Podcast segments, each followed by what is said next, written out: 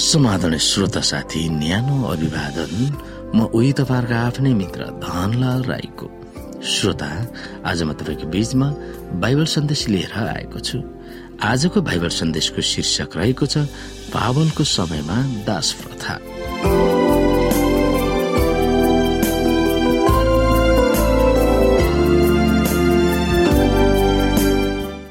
श्रोत साथी पावलको समयमा दास प्रथा कस्तो थियो भनेर हामी यहाँनिर हेर्न सक्छौ। एफएसी छ अध्यायको पाँचदेखि नौसम्म। कमरा हो डर र कम पश्चात साँचो हृदयले ख्रिस्टलाई गरे झै यस संसारका तिमीहरूका मालिकहरूको आज्ञा पालन गर। मानिसहरूलाई खुसी पार्नेले झै आँखाको अघि मात्र देखावटी काम नगर तर ख्रिस्टका दासहरू जस्तै साँचो हृदयले परमेश्वरको इच्छा पूरा गर। मानिसहरूका निम्ति होइन तर प्रभुको निम्ति जस्तै गरी सदिक्षाले सेवा गर। यो जानेर कि चाहे त्यो कमरा होस् चाहे फुक्का जसले असल काम गर्छ त्यसले प्रभुबाट सही बमोजिम पाउनेछ।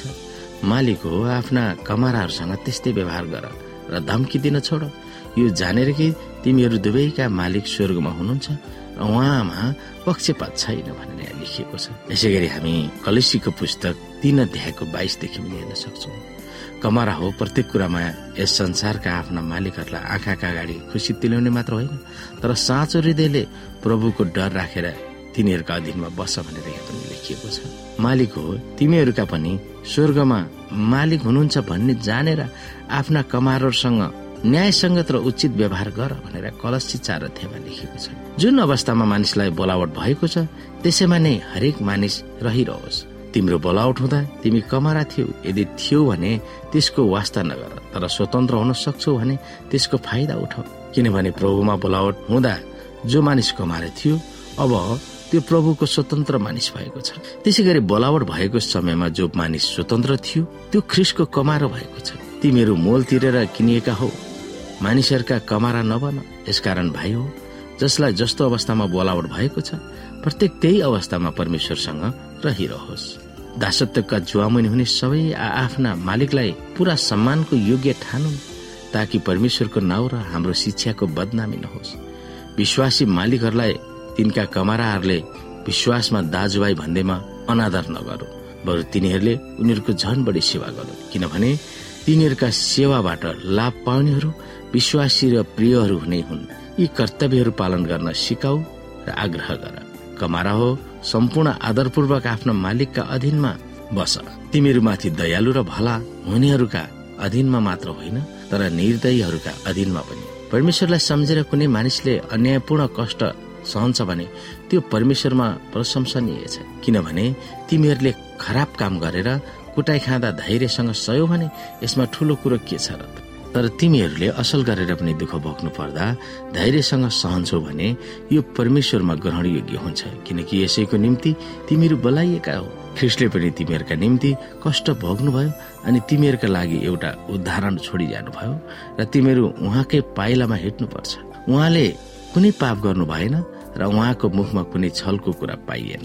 तिनीहरूले उहाँलाई अपमान गर्दा उहाँले साटो फेर्नु भएन दुःख भोग्नु हुँदा उहाँले धम्की दिनु भएन तर उचित न्याय गर्नुहुने माथि उहाँले भरोसा राख्नुभयो।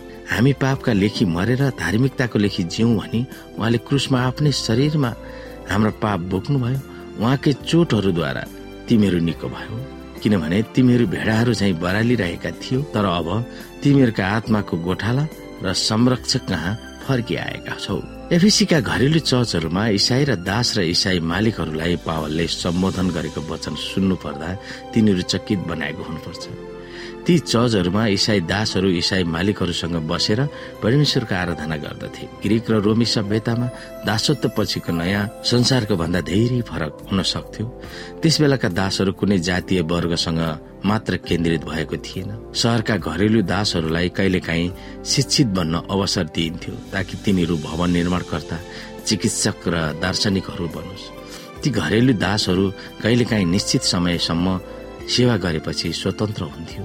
तर प्राय जसो तिनीहरूमा कतिले स्वतन्त्र हुने अवसर पाउँदैनथे ती दुई थरीका दासहरूको बीचमा भिन्नता देखाउन बाइबलका कतिपय अनुवादहरूमा एफिसी छ अध्यायको पाँचदेखि नौको दासको निम्ति प्रयोग गरिएको ग्रिक शब्दलाई दुबोलस वा बन्धक नोकर वा कमैया भन्ने शब्द प्रयोग गरेका हामी पाउँछौ। तर कुनै पनि संस्कार वा संस्कृति वा समाजमा जुनसुकै परिस्थितिमा पनि दास प्रथालाई कुनै बहानामा अङ्गाल्नु यो दुष्ट र मानव प्राणीको निम्ति घोर अन्याय हो। त्यसको न्याय परमेश्वरले गर्नुहुन्छ। दास प्रथा तथा कामदारहरूलाई शोषण गर्ने मालिकहरूलाई परमेश्वरको अनन्त न्याय अनुसार दोषी ठहर्याउनुहुनेछ। त्यसको निम्ति हामी आभारित छौं। भूतपूर्व दास पब्ली ली यु सायरको आर्तनाथ अङ्गलाई नै सिरिङ्ग पार्दछ। दास भएर पतित हुनुभन्दा मर्नु नै सुन्दरता हो। यो वास्तविकतालाई ध्यानमा राखेर डुबोलोस वा दास भनेर अनुवाद गरिनु उपयुक्त छ। ती दासहरू हरदम तिनीहरूका मालिकहरूको धम्कीमा बाँच्नु पर्दथ्यो। पावलको संसारमा दास प्रथाको खराब संस्कार निरन्तर रूपमा व्यापक थियो। जब उनले घरेलु चर्चमा दास र मालिकहरूलाई सम्बोधन गर्छन् तब उनले सामाजिक सुधारकको रूपमा होइन पास्टर वा धर्मगुरुको हैसियतले सम्बोधन गर्दछन्। दास प्रथा र मालिक प्रथाको चलनको वास्तविकतालाई पावलले नकार्दैनन् तर यीशुलाई विश्वास गरेकोले तिनीहरू दुवै परिवर्तित जीवनमा ध्यान दिनुपर्छ भन्ने उनको अर्थ थियो। पछि गएर चर्चमा मात्र होइन समाजमै दास र मालिकको बीचमा हुनुपर्ने सुमधुर सम्बन्धलाई प्रभाव पारेको हुनुपर्छ। तत्कालीन रोमी साम्राज्यको समाजमा विद्यमान दास प्रथाको विरुद्धमा बोल्ने वा दास प्रथा उन्मूलन गर्ने अभियान वा कल्पना पावलको थिएन। उनले कानुनी रूपमा दास प्रथाको सुधार हुनुपर्छ भनेर समाज सुधारको रूपमा आफूलाई प्रस्तुत गरेको थिएन।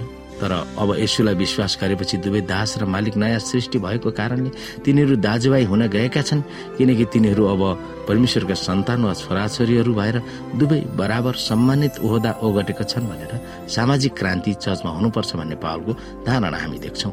चर्च ख्रिस्टको शरीर भएकोले स्थानीय तहबाट नै सुधार हुनुपर्छ।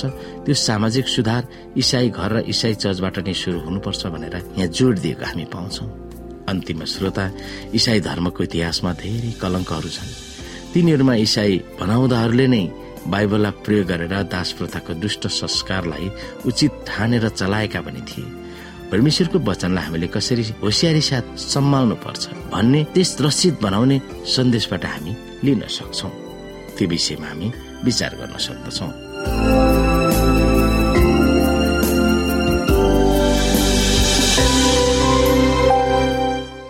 श्रोता साथी आजको लागि बाइबल सन्देश यति नै। हस्त नमस्ते जय मसिंह।